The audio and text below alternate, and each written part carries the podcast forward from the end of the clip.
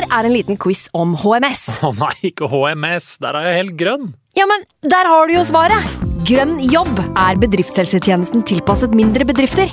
Våre HMS-eksperter hjelper mer enn 8000 bedrifter over hele Norge med alt fra lovpålagte HMS-krav til pålegg fra Arbeidstilsynet. Få på plass bedriftshelsetjeneste på grønnjobb.no. Hallo? Jeg kommer fra Oslo politikammer. Ine Jansen er purk. Er du purk? The motherfucking bitch. Alt jeg vil, er å finne ut hva som skjedde med mannen min. Jon Carew. Er jeg sikta for noe? Iben Akeli. Det er du. Ole So, Lars Berrum og Big Daddy Karsten. Hvem sin side er du på, egentlig? Anette Hoff, Tone Danielsen, Kommer du fra Afrika?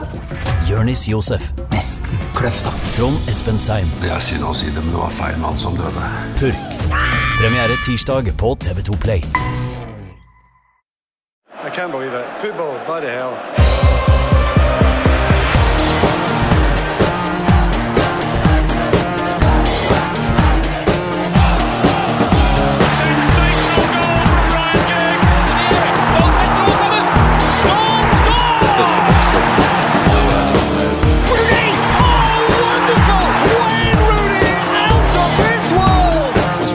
Manchester.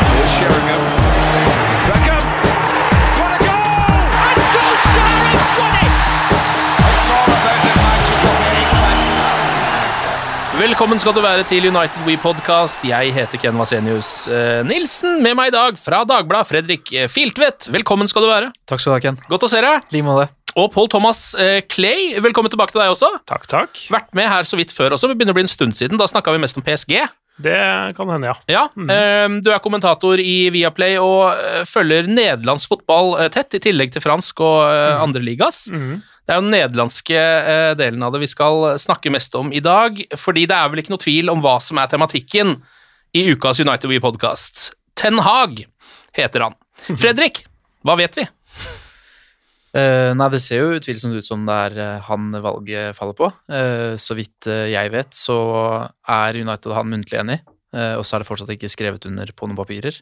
Men uh, han er allerede innblanda i kontraktsforlengelser og søken etter nye spillere, og også i spillere som eventuelt ikke skal få forlenga kontraktene sine eller bli solgt. Så det, det virker jo nært forestående, Ja. selv om Ajax er jo midt i en eh, veldig viktig sluttspurt i sin sesong, så det er naturlig at ikke ting Eller det er naturlig at ting kanskje tar litt lengre tid, sånn at det ser ut som ikke at det er klart, da. Men Mm. jeg, tror, jeg tror partene er ganske enige. Når det har eh, gått såpass langt og kommet såpass mange signaler fra forskjellige steder, så eh, er det vel i hvert fall kanskje trygt å si at det er litt for eh, Hva skal man si? Det har gått litt for langt å stoppe det. Altså Det ser ut som det er dette det blir, da. Det virker sånn. Uten at det er offentliggjort noe sted. Eh, Paul Thomas, eh, vi må lære litt om eh, det som kanskje er Manchester Uniteds nye manager. Erik Ten Hag. Eh, først og fremst, hva vil du si om det han har gjort i Ajax? Eh, bra du sier kanskje blir den nye manageren, uh, men det kan vi komme tilbake til. Uh, det han har gjort i Ajax, er, er veldig, veldig bra. Han var, var den første treneren som debuterer i et klassiker mot uh, Feinor og vinner den. Ja. Uh, han den kjappeste til å komme til 100 seire i serien med, med Ajax. Det er en prestasjon i seg sjøl, da. Eh, På litt, litt over 120 kamper brukte han på å vinne 100. ja. Så- det er jo et lag som er eh, ganske seiersvant over mange år i æresdivisjonen der. Ja, og, og, og, og, så har det vært perioder hvor de har hatt konkurranse fra PSV og, og Feinor også, altså de tre store. Um, og så er det perioder hvor de har vært mer dominante. Men, men det er ikke nødvendigvis en sånn veldig stor prestasjon å være dominant på hjemmebane. Det som har eh, det som er på en måte det store ved hans bedrift, og det som har gjort han eh, sexy for andre klubber, da, det, er, eh, det er det han har gjort eh, internasjonalt. Han får de til å spille mot hvem som helst i verden på akkurat samme måte som de gjør hjemme. Ja. Uh, og han det, og det handler om Det er en parallell vi kan trekke her i Norge, i hvert fall, eh, til Kjetil Knutsen og Bodø-Glimt, egentlig. Eh, mye av de ganske like på mange måter, de to trenerne der. Uh, hvordan de får spilleren til å tro på prosjektet som de driver med, da. Ideene de prøver å implementere ut på banen. Få det også opp et, på et mye høyere nivå. Eh, Det starta for så vidt delvis med Peter Boss allerede i 2017, eh, 16-17-sesongen, hvor de møtte holdt på å si, dere i, Ja. i Stockholm, var det vel? Ja. Mm. Um, og så var det en, et lite intermesso med en uh, trener som tok over der, uh, med Kaiser, uh, som gikk dårlig, og så tok Den Haag over midtveis i 17-18-sesongen. og det gikk jo bra fra, fra starten av, selv om de ikke vant serien det første året, men den halve sesongen, så har han nå ja, potensielt en, en, en tredje dobbel på rad. Altså Ja. med cup og serie.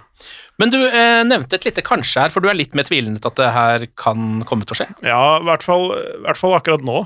Eh, For det første så er han en ekstremt fokusert trener. Altså han er veldig på å ikke bruke energi på ting som han ikke kan egentlig gjøre så veldig mye med, eh, og veldig fokus på liksom den lille oppgaven han har foran seg. Eh, Og han har en cupfinale eh, om halvannen uke, som er viktig. Det er første steget til å ta en dobbel. Og så må han eh, vedlikeholde det forspranget de har på PSV nå, som er seks poeng. Det er vel seks kamper igjen, tror jeg. Eh, sånt. Eh, så, så det Det kommer ikke noe offentliggjørelse før det er avgjort, tror jeg. Nei. For det kommer til å ta støy bort fra den jobben han faktisk har. Og han er såpass at han respekterer den kontrakten han har, og vil ikke skape noe støy før den tid. Um, så noe offentliggjøring før eventuelt all, begge de to turneringene er klare, det tror jeg ikke kommer. Eh, Fredrik, du har nok ikke sett like mange Ajax-kamper som på Thomas, men hva er ditt inntrykk av eh, Ten Hag og hans fotball? Nei, jeg syns det er utrolig spennende, og jeg har sett veldig lite Ajax i Nederland, men jeg har sett ganske mye Ajax i Champions League, Mm. og det er jo det som imponerer meg, som Paul Thomas er inne på her, at, at de gjør tilsynelatende akkurat det samme som de gjør i hjemlig liga, og det er ikke, det er ikke så imponerende, fordi Ajax vet vi skal være der oppe i Nederland, men at de viderefører å ta med seg inn i Champions League og, og spiller like fin fotball med like stor selvsikkerhet, det er jo det som gjør det spennende her. For vi har sett utallige store målskårere i Nederland, også gode trenere i Nederland, gå til store klubber i Europa, og så, og så er de ikke så gode likevel. Eh, og det er jo den bekymringen man gjerne har da, med, med spillere og trenere fra Nederland. Men når du går ut i Europa og gjør akkurat det samme, så blir på en måte tvilen den blir mindre. Så nei, jeg syns Ten Hag er utrolig spennende. Ja, og Ten Hag og Pochettino som har vært de to største navnene som har blitt nevnt oftest i forbindelse med Manchester United. Har du hatt noen personlig favoritt der? Ja, hvis du hadde spurt meg i går, så kunne jeg svart noe annet enn jeg svarer i dag, men Ja. jeg tror United hadde levd veldig fint med begge to. Jeg, Ja. jeg tror liksom det hadde blitt bra med Pochettino, og jeg tror det blir bra med Ten Hag. Eh, Jeg kan sitte med følelsen av at Pochettino er et tryggere valg, men at Ten Hag er et langt mer spennende valg. Eh, For min del så føler jeg kanskje at skulle Pochettino skjedd, så burde det skjedd for tre-fire år siden, og i og med at det ikke har skjedd, så syns jeg at Ten Hag virker som det riktige valget. Eh, Men hva skal man si om Erik Den Hag eh, som type, da? På Thomas, altså hva slags menneske og hva slags type coach, eh, manager, er han? Um, så, sånn jeg, jeg oppfatter det, så er han eh, eh, god med mennesker. Altså, ehm, ehm, altså Det er mange som er gode taktikere. altså Alle kan lese seg til ting og ha et sånn støtteteam rundt seg som analyserer motstanderen i i hjel og finner svake punkter og sånne ting. Men, um, og, og sette opp sin egen plan opp mot det. Men, men det er nettopp det at han har fått disse spillerne som er bra i Nederland til også å gjøre det samme der ute. Det handler mer om uh, å sette de i rett mental tilstand til å gjøre de tingene, ikke sant? Altså få de til å tørre å være Våge og ja, rett og slett jobbe med hodene til spillerne, da. Eh, og, og um, han er ganske kompromissløs, men allikevel eh, en flink fyr med mennesker, da. Altså, han, han eh, lar seg ikke styre av støy fra utsiden. Altså, det, og Amsterdam er, et, er en ganske vanskelig by å være trener i. Eh, altså Ajax som lag, da. Eh, det er et veldig kravstort publikum. Det er masse presse, og det er masse interesse rundt det. Eh, og det, det hjelper han jo i, i den klubben han eventuelt skal til, da. Mm. Eh, for det er ikke noe mindre trøkk der, men, men han, er, han er veldig flink til å fokusere energien på, det, på, på de tingene han kan gjøre noe med. Og, og da, mm, da stenger han støy ute. Han er det problemer altså, det, Ofte kommer det sånne folkekrav om at én spiller skal ut, og en annen skal spille istedenfor. Litt sånn, sånn er jo fans.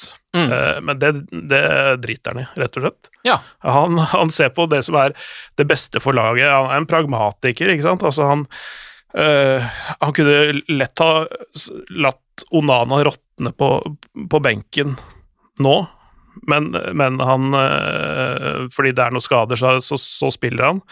Eh, fordi han er den beste keeperen de har tilgjengelig per nå. Ja, selv om han har vært gjennom noen skandaler, på en måte. Ja, og, og nekter å skrive kontrakt og skal gå gratis om to måneder. Ja, ok, men det er, så, det er såpass pragmatisk som det, ja. Ja. Altså, så han, han kunne, han, han kunne eh, latt en yngre keeper, han kunne latt en 16 år gammel keeper fra akademiet spille hvis det hadde vært den beste keeperen. Men det er det ikke. Og nå er de med i disse turneringene eh, hvor de skal vinne en cupfinale, de skal vinne serien. Da lar han den beste spille. ja. Men Eh, hvis det godt, hvis det er en god idé for laget, altså hvis ikke det skaper bruduljer innad i gruppen og sånne ting, hvis, hvis spilleren aksepterer det, så, så bruker han den beste keeperen. hva med spillestil? Er det så enkelt som å si at, han, at det er Ajax-skolen vi snakker her, eller? Nei, egentlig ikke, fordi, fordi Eller nederlandske skolen, kanskje. Ja. Mer, fordi, fordi eh, um, For de spiller 4-3-3, men han er ikke så opphengt i det. Uh, når han var trener i Utrecht, så passa ikke spillertroppen til det. Da spilte han 4-4-2 med diamant. Ja. Uh, Så hvis han ikke finner spillerne som kan bekle de rollene som han, slik han vil at 4-3-3 skal spilles, så finner han en annen måte å benytte de spillerne han har. Så han er veldig flink til å maksimere potensialet i en spillertropp og bruke spillere på, på, på den måten de kan bidra mest med, da. Han er jo eh, allikevel, uh, Fredrik, selv om han har noen meritter nå og er en av de mer ettertrakta managerne uh, i verden, uh, så er han jo et, en forholdsvis fersk manager også, på mange måter. Han er ikke et av de aller største navnene, selv om han har kommet opp der i løpet av noen år. Hva tenker du om at en så i anførselstegn urutinert manager da, skal ta over en klubb som Manchester United? Nei, det er jo selvfølgelig en av de tingene som gjør at man blir usikker, og som gjør at jeg har lyst til å spørre Paul Thomas etterpå hvilken manager han ville gått for hvis det valget sto mellom Pochettino og Ten Hag, du som kjenner fransk og ja, engelsk fotball godt. Um, nei, jeg tror United er i ferd med å i hvert fall gjøre så veldig mye, gjøre så mye riktig på strukturen i klubben at er det ett tidspunkt Ten Hag på en måte kunne fått det til, så er det i så fall nå, da. Når det Ja, For nå er det en slags overgangsfase der. ja, at de klarer å skille tilsynelatende det sportslige og det kommersielle, eh, som på en måte er minimum for at man skal kunne lykkes eh, som en storklubb. Da. Eh, så jeg tror at han i langt større grad enn eh, forgjengerne sine vil komme til jeg vil ikke si dekka bord, men noe som begynner å se ut som bestikk og skåler og tallerken. Altså, ja. Ja. Så eh, nei, det er jo usikkerheten, da. Eh, At han, at han er Han har ikke så mye erfaring, og han kommer til en klubb som ikke har lykkes med noen annen enn Sir Alex Ferguson. De kaller det jo den verste jobben i fotball. Ja. Altså Det er jo ikke noe tvil om det. Det er, den, det er liksom den vanskeligste jobben, den kjipeste jobben du kan på en måte ta, da. Ja, og det er mange ganger vi har tenkt at uh, bare vi bytter manager, bare vi kjøper han han, så, så blir det bra. Uh, hva om Ten Hag bruker et år da, på å få satt sitt stempel på det, og all optimisme forsvinner? Hvor, hvor lenge kan en mann som er lova tre år, overleve en sånn type jobb da, når, når støyet kommer, presset fra media blir stort? Hva, hva da? Mm. Så det er jo de bekymringene man har rundt det, da. Men det ville jo gjeldt eh, en hvilken som helst manager uansett, da. Hva tenker du, da? Er du, eh, hvor stor tro har du på, hvis det, vi skulle sagt nå at dette her skjer Fra og med neste sesong så er det Ten Hag som starter, eh, han får gjort noen signeringer. Hva tenker du, er, er han mannen for Manchester United? Det, det kan han være, eh, gitt at eh, Og det er han sjøl veldig opptatt av, at, at, han, eh, at han har et godt samarbeid med sportsdirektør og sportslig ledelse og styre og sånne ting. Han, det, det er hele grunnen til at det også fungerer så bra i Ajax nå. Det var jo inntil for uh, noen uker siden uh, han og Overmars som jobba veldig tett, inntil uh, det kom fram at Overmars drev og sendte ufine tekstmeldinger Stemmer, stemmer. til kvinnelige ansatte i klubben. Stemmer. Um, um, det samarbeidet var veldig godt. Han, har veldig, han er, vil veldig gjerne være med på å bestemme ting som også ikke handler om A-laget. Altså sånn uh, Veien fra akademi til, uh, til førstelag er viktig for han. Han er ikke redd for å bruke, det, bruke spillere fra akademi hvis de har noe å bidra med. Han slipper det gjerne til. Uh, og det tenker jeg er eh, Det er litt den der jobben Solskjær begynte på, ikke sant? Altså den der gjenskape den der linken mellom akademiet og førstelag. Eh, Det tror jeg han er flink til, og eh, vil være en perfekt manager til å videreføre. Der tror jeg ikke Pochettino faktisk er like god, Nei. fordi han har hatt mange muligheter til å gjøre akkurat det samme i Paris. Har hatt massevis av sånne der talent som ligger og bobler under overflaten der. Slipper de nesten aldri til. Nei.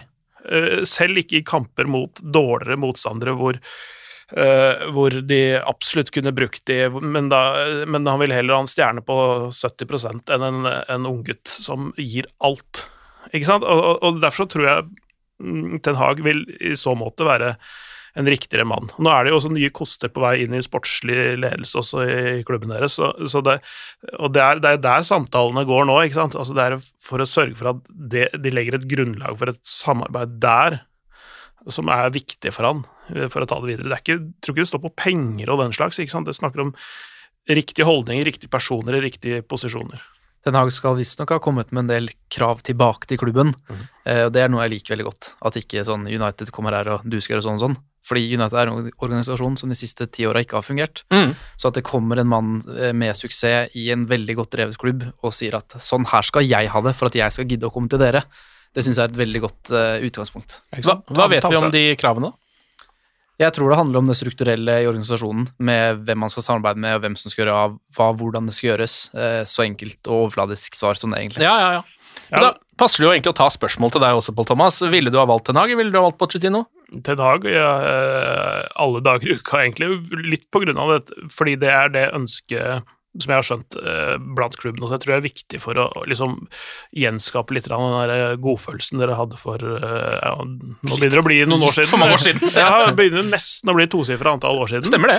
Eh, men, også, men også litt den derre at det ikke bare er et hvilket som helst lag, men at det er at de gjør det på sin måte. og dere nettopp var jo kjent for å dra disse spillerne, altså Class of 92 og alt det der greiene, men også seinere spillere inn i førstelaget og gjøre det til verdensstjerner på den måten. Ikke bare kjøpe inn. Og nå ser jeg det liksom altså det har jo vært, Dere har hatt Zlatan inne, dere har hatt Kavani inne. Gode spillere bevares, og nå ser jeg at Lewandowski har vært kobla sånne Mm. Men United, Manchester United skal ikke være et sted hvor gamle spillere kommer for å hente en siste stor kontrakt. Det skal være et sted hvor, de, hvor, de, hvor, hvor pilene peker inn i framtiden, ikke at man skal se seg i bakspeilet. Hør, hør. Ja, ja men altså virkelig, eh, virkelig, og, det, jeg, tenker at hvis de skal bygge noe som varer, så må du ikke begynne å kjøpe sånne som Robert Lewandowski. Da må du kjøpe Darwin Núñez fra Benfica. Mm. En kanon god nier. Har skåret 21 mål på 23 kamper i Benfica i serien denne sesongen. Skåret fem mål i Europa på ni kamper. Altså, det er, det er en nier det skal se etter. Ikke, ikke sånne som er 33, som har en sånn proven track record. Drit i det der eh, PL-proven-greiene også. Gå for de der unge, spennende, dynamiske, moderne spillerne. da. Når vi først er inne på spillere, da, hva tenker dere om eh, hvordan spillematerialet til Manchester United, sånn som det er per nå? Det kan fort skje ganske mye det er inn mot en ny sesong, men hvis man eh, tar litt utgangspunkt i det man har, da, hva tenker du, hvordan tror du det passer til Ten Hag? Jeg sender den videre til Pål Thomas, jeg. Ja. Det, det må gjøres en opprydning. Eh, jeg Jan Mullensten eh, anslo at du måtte bytte ut 70-80% av spillematerialet. Det går jo rett og slett Altså, det er ti år, det. Ja, ja, ja og det, jeg tror det tar tid, eh, men du kan, du kan rydde litt i førsteelveren først, så- altså, eller sjalte ut noen spillere, og så tilføre Du kan ikke tilføre noe særlig mer enn tre spillere eh, i hvert vindu. eh, Altså sånn eh, Det, det er mye Ja. i seg sjøl, men, men kanskje tre-fire, uh, maks fem i løpet av et år. Og da er det jo Det tar i hvert fall to, to år før det er liksom på høyden, kanskje har det helt akkurat der han vil ha det. Mm. Eh, og det er mye Hvis de skal spille sånn som han ønsker, så må du ha veldig ballskikkelige spillere i alle posisjoner. Det er Mm. ikke én som ikke er flink til å, å ta imot og sende en pasning og, og føre ballen, ikke sant. Men det er det jo noe Det er noen trebein i det der eh, United-laget. Det er det. Han får litt å jobbe med. Ja, ikke sant? Um, altså, det er sånn som så Ajax primer jo spillerne sånn som stopper og sånn. Så de, de spiller ofte som midtbanespillere i yngre dager, og så trekkes de tilbake. Så du ser ganske mange av de stopperne, for eksempel, de kan like gjerne spille en defensiv midtbanerolle. Det altså den Du, du setter ikke Varan på defensiv midtbane. Nei, i hvert fall ikke Harry Maguire. Nei, nei. Jeg tenker at det er sånn han, han ryker øh, Jeg tenker at Varan Han kan funke ved siden av en annen en. Øh, men, men øh, så er det sånn bekker som kanskje ikke har helt det der det, det pasningsgenet som det mest fremtredende. Mm. eh, så er det jo midtbanen er det jo litt sånn ja, Fred kan funke, men ved siden av han, hvis det skal være to dype på midten Han kan ikke være den eneste som styrer uh, i, i det maskinrommet der. Da tenker jeg at hvis du først skal splash the cash, Declan Rice Mm. En fyr som kan styre der, har litt sånn taktstokken, litt sånn som Jorginho har i, i Chelsea, hadde det i Napoli. Uh, og så har du litt mer offensivt krydder framover. Eh, Bruno Fernandes og Donny van de Beek, for eksempel, foran eh, Declan Rice. Kjempetrio. Kan det her være en liten uh, renessanse for Donny, eller? Ja, det tror jeg. Ja. Fordi, han, fordi, fordi han har ikke hatt en trener som har skjønt hvordan han skal bruke den. Nei. Men det har han jo hvis Ten Hag kommer inn, da. Og hvis, hvis, de, hvis de tenker å bygge det sånn som han har hatt i Ajax Men som sagt, han er pragmatiker. Han kommer ikke til nødvendigvis å gjøre veldig store endringer, men kanskje gjøre små tilpasninger som gjør at han kan funke. For han er veldig bra. Det er bare at dere har ikke fått sett det ennå, fordi han har ikke vært brukt riktig. Men eh, nå snakker Paul Thomas om Han eh, var nevnt eh, to år her. Eh, vi kan jo kanskje legge på et til og si at det tar tre før det i det hele tatt er konkurransedyktig. da. Eh, sånne ting jo, kan jo skje i fotball. Hvor stor tiltro har du til at Manchester United egentlig vet hva de har ansatt her, og hvor lang tid dette kommer til å ta, og tålmodigheten styret har? I hvert fall bedre tro på nå enn det jeg har hatt tidligere, med tanke på hvem som er um, satt til å gjøre denne jobben og ansette. Nå er det fotballfolk som gjør det, og ikke Woodward og pengesekken til Glazers. Ja. Um, så sånn sett så har jeg tro på at de har ikke akkurat gitt meg grunn til å tro på det eh, tidligere, men, eh, men jeg tror nå at de har eh, utgangspunktet, med, utgangspunktet for intervjurundene og de managerne de så seg ut som aktuelle, eh, var veldig spennende. Eh, så jeg, jeg føler på en måte at nå er det gjort noe riktig med fornuft som de har tenkt nøye gjennom. Det føles i hvert fall sånn denne gangen. Ja. Vi må jo nesten bare håpe på det, eh, fordi det er jo der det hele starter, eh, og slutter også. Så det må liksom funke der oppe hvis det skal dryppe noe som helst nedover. Vi har vært innom noen spillere allerede på Thomas. Nå er det jo eh, naturlig nok en del Ajax-spillere som nevnes eh, som mulige eh, overgangsobjekter eh, til Manchester United. Eh, spesielt tre navn som jeg har sett rent konkret, så jeg tenkte vi kan jo snakke litt om de. Du har sett de spillerne her mer enn oss. Eh, Anthony har blitt nevnt. Han er en driblesterk wing, så vidt jeg har skjønt. Jeg har bare sett han så vidt spille.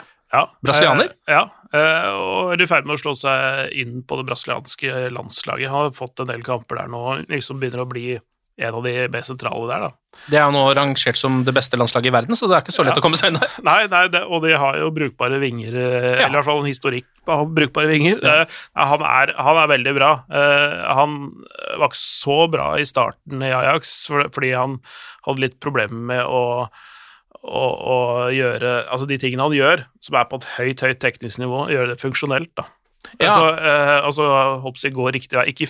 Altså, han kan gjøre litt sånne sirkusnumre med å tråkke på ballen og gjøre en 360 eh, mens bekken bare står og eh, måper. Ja. Eh, men, men hva gjør du etterpå? Ja. Ikke sant? Hvor, hvor går den pasningen?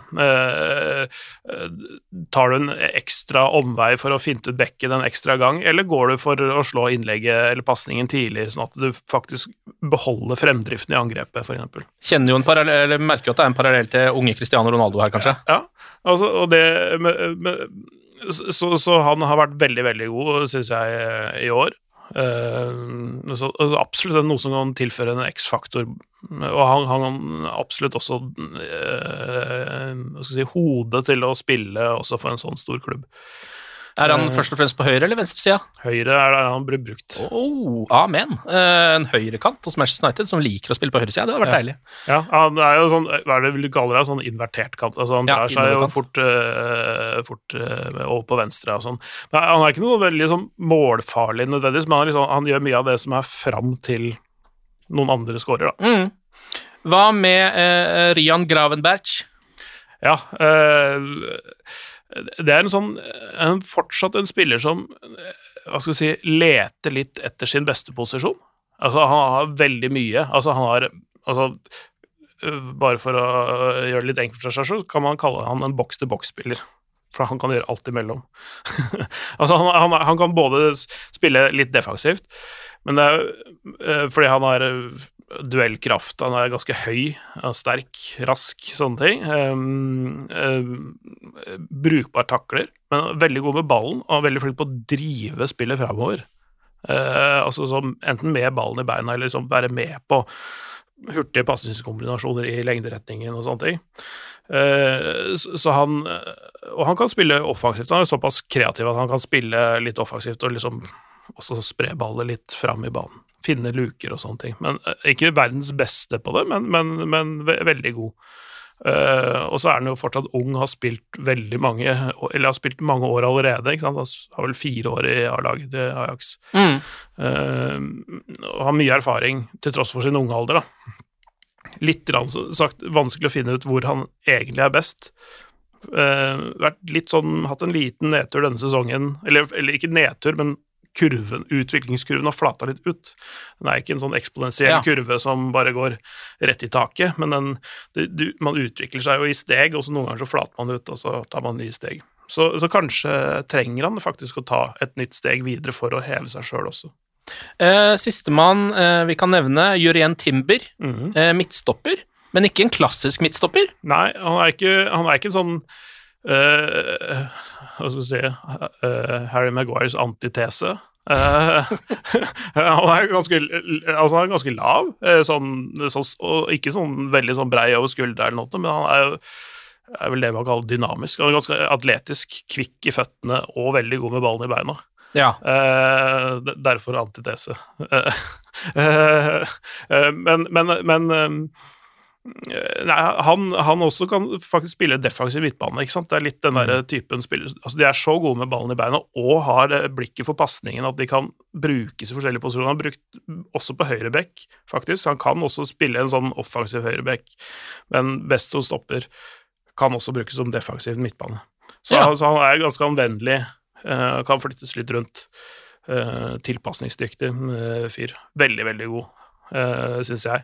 Um, eh, hvis, hvis de skal bruke penger på noe, så kunne, han, han trenger ikke å dra til Amsterdam, kan dra til Leicester og kjøpe Wesley Fofana. ja, han er bra, ja. Mm. Han er det. Det er bra spill. Jeg kommenterte han i går kveld mot PSV, altså Leicester-PSV-kampen. Uh, Og jeg kommenterte en av de første kampene hans i Sankt Etienne også, for ja, nå blir det tre, tre år siden. sånt. Fantastisk spiller. Altså, altså sånn, så litt sånn så kroppslig, litt sånn lik sånn som, mm. som, som Timber er. Eh, veldig god med ballen i beina, men først og fremst en, en drivende god eh, forsvarsspiller. Fantastisk god. Så mm, en av de to kunne vært, eh, vært noe for eh, Manchester United. Mm. Det finnes, selv om dere sier at det bare finnes ett, så finnes det visst flere. Ja, de, I andre podkaster så gjør det sikkert det, eh, men akkurat her er det bare ett United. Ja. Eh, vi kan fortsette litt på spillere her, fordi eh, Fredrik, nå har eh, det i hvert fall kommet rykter om at det skal eh, tilgjengeliggjøres betydelige midler, er det året jeg har, eller det begrepet som har blitt brukt, uh, uavhengig av hva som skjer med Champions League. Uh, det vil si at det skal spyttes inn penger i uh, spillekjøp. Ehm, og øverst på ønskelista til uh, John Murtow, director of football, um, så står visstnok da Harry Kane og Declan Rice. Declan Rice har vi snakka en del om, allerede i dag har vi nevnt han. Uh, en spiller som sannsynligvis passer perfekt inn på midtbanen til Manchester United. Men Harry Kane, det er et betydelig større navn. Ja. Hva tenker du når du hører det ryktet? Tror du noe på at det er noe realistisk å kunne hente Harry Kane i utgangspunktet? Eh, ja, det tror jeg absolutt, med tanke på hva vi vet eh, under tiden med Solskjær. Mm. At eh, Kane skulle vært åpen for å gå til United, og det var noe United hadde lyst til når de fant ut at de ikke hadde råd til Haaland. Ja. Eh, men som Paul Thomas var inne på i stad, at United må slutte med å hente spillere som, som er gode, men gamle. Kane er ikke gammel, men han nærmer seg en alder hvor kurven etter hvert skal begynne å peke nedover. Eh, Så jeg tenner ikke så veldig på den ideen, for å være helt ærlig. Eh, Selv om Kane garantert hadde gått inn i United og putta x antall mål per sesong og vært god. Eh, Nå har jeg sett veldig lite av Núñez selv, men jeg, jeg tenker at det er mer den retningen jeg ønsker at United skal gå i, da. Men samtidig, United er nødt til å treffe med spiss når de skal hente spiss nå. Ja. Og Kane hadde levert fra dag én, men sånn i et litt lengre perspektiv, som jeg ønsker at United skal tenke i, så tenker jeg at de heller skal hente en som er yngre enn Kane. Um, og så vil jo en spiss United skal signere uansett være dyr, da. Så er det begrensa hvor mye penger du sparer på å hente Núñez. Men at det kan spares eh, noen hundre millioner, det kan jo fort være. Mm. Altså, altså, Kane vil koste en milliard kroner og har null videresalgsverdi. Mm. Ja. Darwin Nunes kan du øh, kjøpe nå, så bruke Jeg ser det flyter summer rundt der, sånn rundt 60-70 millioner euro. Mm. Verdsatte 40 av transfermarkt, men altså United får, må jo betale en sånn ekstraskatt. Ja, du må det. Eh, Som en av verdens rikeste klubber. Men, men, altså, men da kan du kjøpe han for det første billigere. Bitte litt lavere lønn, vil jeg anta at han også har, som 22 år gammel uruguayaner eh, kontra en 30 år gammel engelskmann eh, i Premier League. Um, og så er det faktisk muligheter for å selge han videre etter fem, seks, sju år til en annen klubb og, og tjene penger på det. Ikke sant? Ja. Altså, de kan nyte godt av han i mange år og tjene penger på, eventuelt selge han videre. Mm. Uh, hvis, det, hvis han ikke eh, så blir en world beater i United og bringer det til verdenstoppen igjen. Mm. Og da, da, da har du tjent så mye ekstra penger allikevel at Mm. da, det er uansett en mye bedre investering. Vi har allerede nevnt Robert Lewandowski. Eh, Bare det at han er i ryktespaltene gjør jo at man nesten må snakke om det. Eh, Men en 33 år gammel spiss, Fredrik Eh, nei, altså, jeg syns Paul Thomas oppsummerte så fint. Uh, når, når klubber som er bedre enn United, begynner å kvitte seg med noen av sine beste spillere fordi de skal ha sin siste lønningspose og pilene peker nedover, så har United latt seg lure så mange ganger at du kan jo ikke hente uh, spillere som klubb, som, fra klubber som er bedre enn din egen klubb, fordi de skal oppgradere. Så henter du på en måte vrakgodset deres. Ja. Da tar du dem aldri igjen. Det sier jo seg selv. Ja.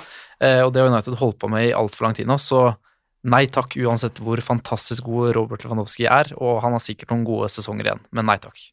Um, Marcus Rashford han har ikke hatt en god sesong. Uh, han er ikke i form i det hele tatt. Uh, og det er kanskje ikke så overraskende, men uh, ryktene sier da at han er en av de som uansett kommer til å bli i Manchester United hvis klubben får det som de vil.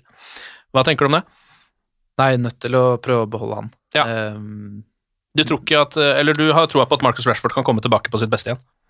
Ja, og så er jo jeg egentlig litt usikker på hvor god han egentlig kan bli, eh, men at han er mer enn god nok til å forsvare en plass i troppen til United, selvfølgelig gjerne. Eh, Det er, det er synd når spillere er dårlige over så lang tid som det han er. Det gjør at, man, at tvilen sprer seg.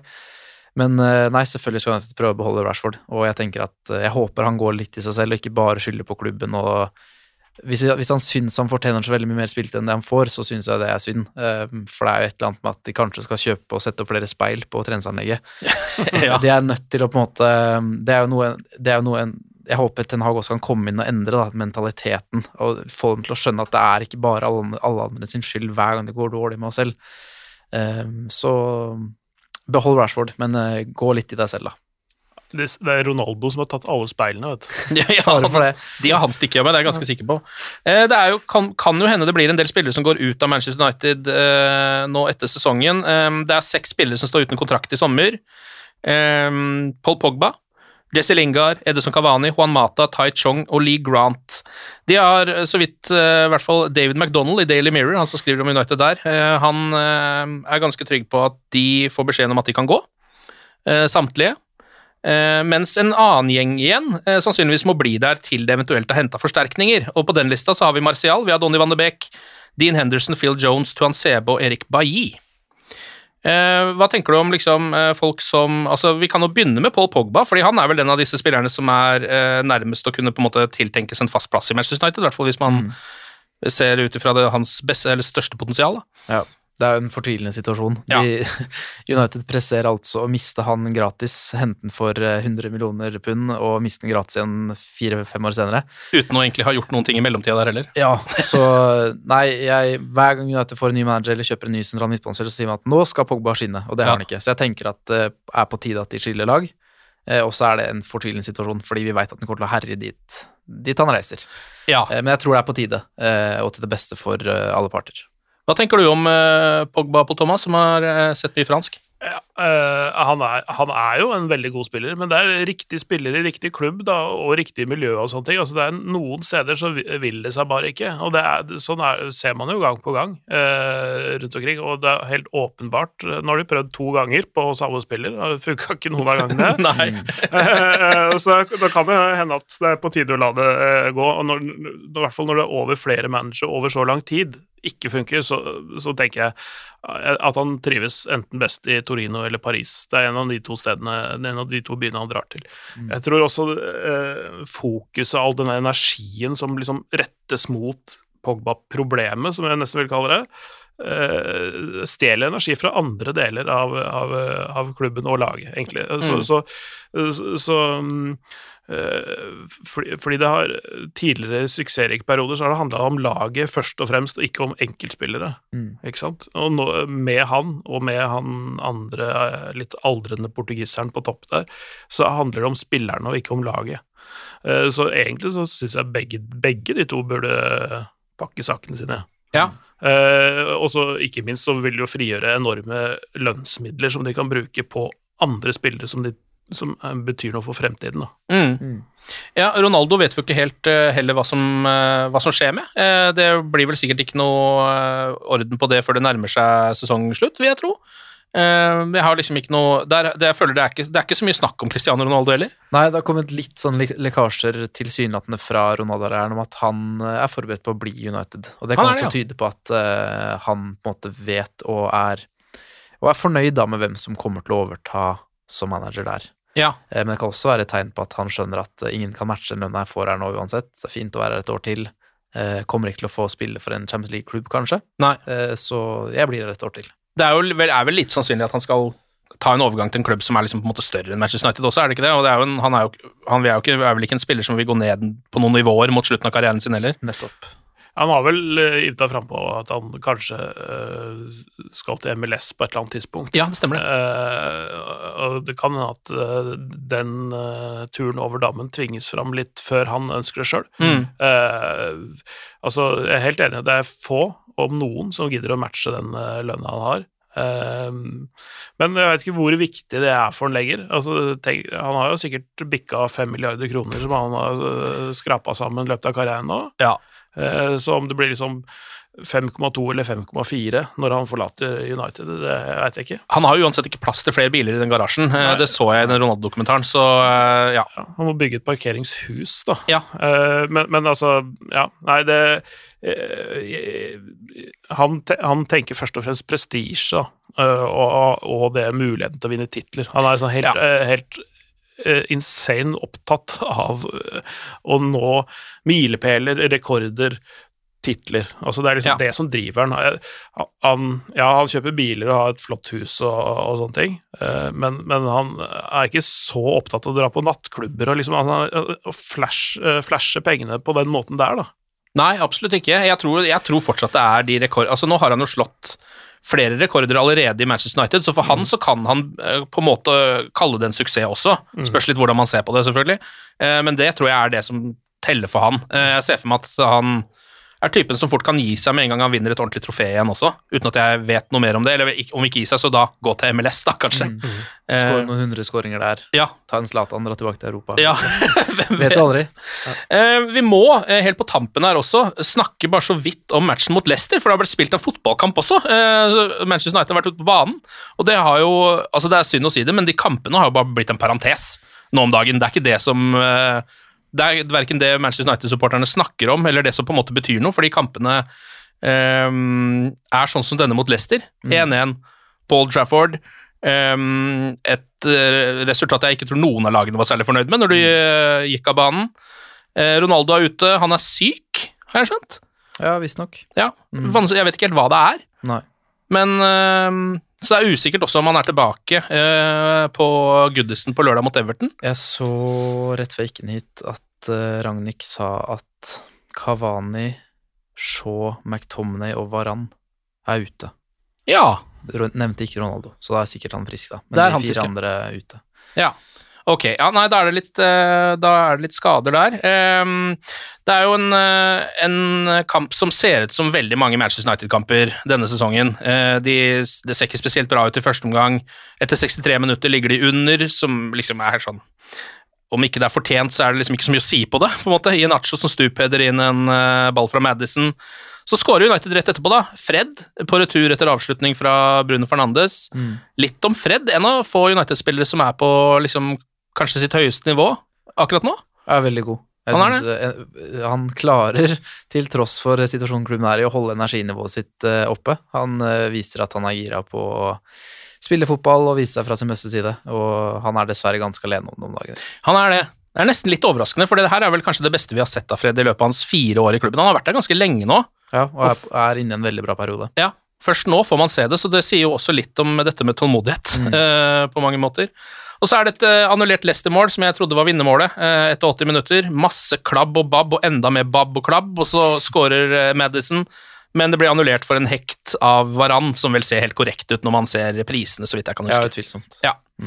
Eh, helt på slutten der så oppstår det en sånn situasjon som jeg føler jeg bare ser i Manchester United-kamper. Eh, da er Marcus Rashford eh, gjør han det beste han har gjort på et halvt år, og løper forbi en tre-fire folk. Blir felt av Antony Elanga idet han skal sette inn vinnermålet. og det er Altså, Jeg vet ikke om jeg bare er liksom blitt sånn fotballparanoid, Fredrik, men skjer sånne ting uforholdsmessig ofte med Manchester United om dagen, eller? Det er bare der det skjer. Det er jo det. er i hvert fall sånn det føles. Så, Ja. Nei, det er helt eh, Det er så tragikomisk at det er Hvorfor Hvor skal man gjøre av seg? Jeg Nei. var sikker på at det var straffe, jeg. Ja, det trodde jeg òg, fordi hva skal det ellers være, liksom? Så er det en offside-plassert Anton Elanga som måker ned sin egen medspiller aleine med keeper. Det, Ja. ja. det oppsummerer jo alt. Da var det bare det gode, gamle eh, facepalm. Eh, Kampen er ferdig, det blir 1-1, og alle er misfornøyd. Ja. Eh, hva tror du nå om eh, Champions League-muligheter? Snakker vi noe om det lenger? Nei, de må jo begynne å vinne fotballkamper om de skal ta igjen de lagene som ligger foran seg. Og Ja. det Jeg har ikke oversikt lenger, jeg, Jeg, jeg vet ikke jeg, har, jeg aner ikke. Nå er det en ny kamp til helga mot et elendig Everton og Frank Lampard. Og det kommer, til, det kommer jo til å Ja, du, tror det? Nei. Nei. Nei, så vi får se. Det er klart United skal vinne den, men gjør de det? Vi får se. Vi får se. altså Det er jo et uh, Everton som må vinne på mange måter. Ja. Uh, de er trua av nedrykk. United må jo egentlig ingenting uh, per nå i Premier League. Begynner allerede 13.30 på lørdag. Ronaldo kanskje tilbake, vi får se. Nå viser det seg jo at han er ganske viktig for Manchester United. Det blir ikke mange poenga uten Cristiano på banen. Det gjør ikke det. Han, etter en veldig traurig og lang måltørke, så var han plutselig tilbake med hat trick mot eh, Tottenham. Ja. Så han er jo han er jo den som gjør det for United, da. Ja, han er jo det, fortsatt-. Tre poeng opp til fjerdeplass nå. Det er overkommelig. Ja, men er men det to kamper mindre, eller er det jeg tror én? Arsenal har to kamper mindre eller noe sånt, har de ikke det? Én kamp mindre enn United. Å, er det bare én, ja. Ja, Ja. De er på 29 kamper. De tapte jo det 3-0 her. eh, Riktig. Ja. Det er ikke helt håpløst, altså. Nei, Nei. Det, det, det er mulig, altså. Det, de er ustabile, lagene foran òg. Ja. Så, eh, Veldig. så det handler om å finne eh, stabiliteten, tror jeg, i, i innspurten her. Så, Mm. så er det slett ikke utenkelig at det blir Champions League til høsten. Det handler om å vinne to, kanskje til og med tre kamper på rad. Mm. Eh, så er man inne på noe. Eh, og det ville jo, eh, tross alt som har skjedd, føltes ut som en seier for Manchester United nesten å gå ut av denne sesongen her med en Champions League-plass, for det har jeg liksom egentlig mista litt håpet på. Absolutt. Og det vil bli veldig viktig i rekrutteringen av nye spillere også. Så det mm, Men uh, man har vel egentlig gitt opp, og så har man fortsatt et lite håp. Ja. Uh, vi, vi tar med oss håp, og så kan vi ha i hvert fall noe eh, å spille for resten av sesongen. Ja, jeg er helt enig. Uh, Pål Thomas og Fredrik, tusen takk for praten, og glory, glory.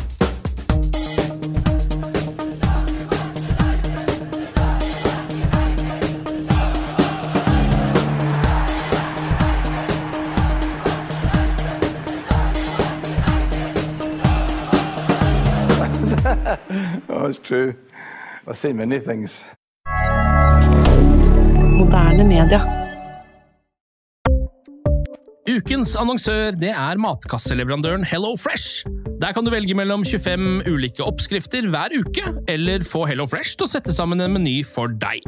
Jeg sparer tid på å handle, oppskriftene er veldig enkle å lage, og så får jeg akkurat det jeg trenger da, til hver eneste rett, så jeg slipper å kaste så mye mat som jeg vanligvis gjør. Det er også litt deilig å faktisk slippe å gå på butikken, ikke bare fordi det er tidkrevende, og sånn, men fordi man ender opp med å kjøpe så mye greier som man egentlig ikke trenger, sånn som fire poser eh, Smash og en kick med havsalt, eksempel. Det er ikke det du egentlig er der for, du er der for å kjøpe, kjøpe middag.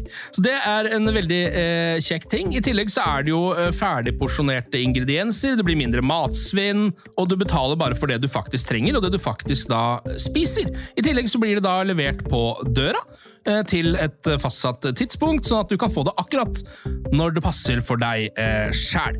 Hvis HelloFresh høres ut som noe for deg, så har jeg en rabattkode du kan bruke også. Gå inn på hellofresh.no og bruk koden HelloUnited24. HelloUnited i ett ord, også 24, og få opptil 1779 kroner i rabatt på de fem første matkassene dine hvis du ikke har prøvd Hello Fresh ennå. Du kan også bruke koden hvis du tidligere har vært kunde, men har stoppa abonnementet ditt for tolv måneder siden eller mer. Det er ingen bindingstid, og du kan pause eller avslutte abonnementet ditt akkurat når du selv måtte ønske. Husk koden HelloUnited24, og bon appétit! Ukens annonsør er Folio, en smartere banktjeneste for deg som har en egen bedrift eller ønsker å starte for deg selv. Folio er en superenkel nettbank for bedrifter. Som kunde i Folio får du en bedriftskonto med et bedriftskort og app. I denne appen er det smarte løsninger som forenkler regnskapet ditt, uansett om du har en liten bedrift eller et enkeltpersonsforetak. Folio er både intuitivt og brukervennlig, og er laget med et enkelt språk. I tillegg tilbyr de forutsigbare priser og ingen skjulte gebyrer. Skulle du likevel trenge det, så kan du snakke med deres raske og hyggelige kundeservice, og der får du prate med en faktisk person og ikke en chatbot. Folio er med andre ord både enklere og koseligere enn banken. Over 10 000 bedrifter har allerede valgt Folio som sin banktjeneste, så besøk folio.no og se hvordan Folio kan forenkle din hverdag også. Har du et enkeltpersonforetak eller en liten bedrift? Da er du sikkert lei av å høre meg snakke om hvor enkelt det er med kvitteringer og bilag i fiken, så vi eh, gir oss her, vi. Fordi vi liker enkelt. Fiken superenkelt regnskap.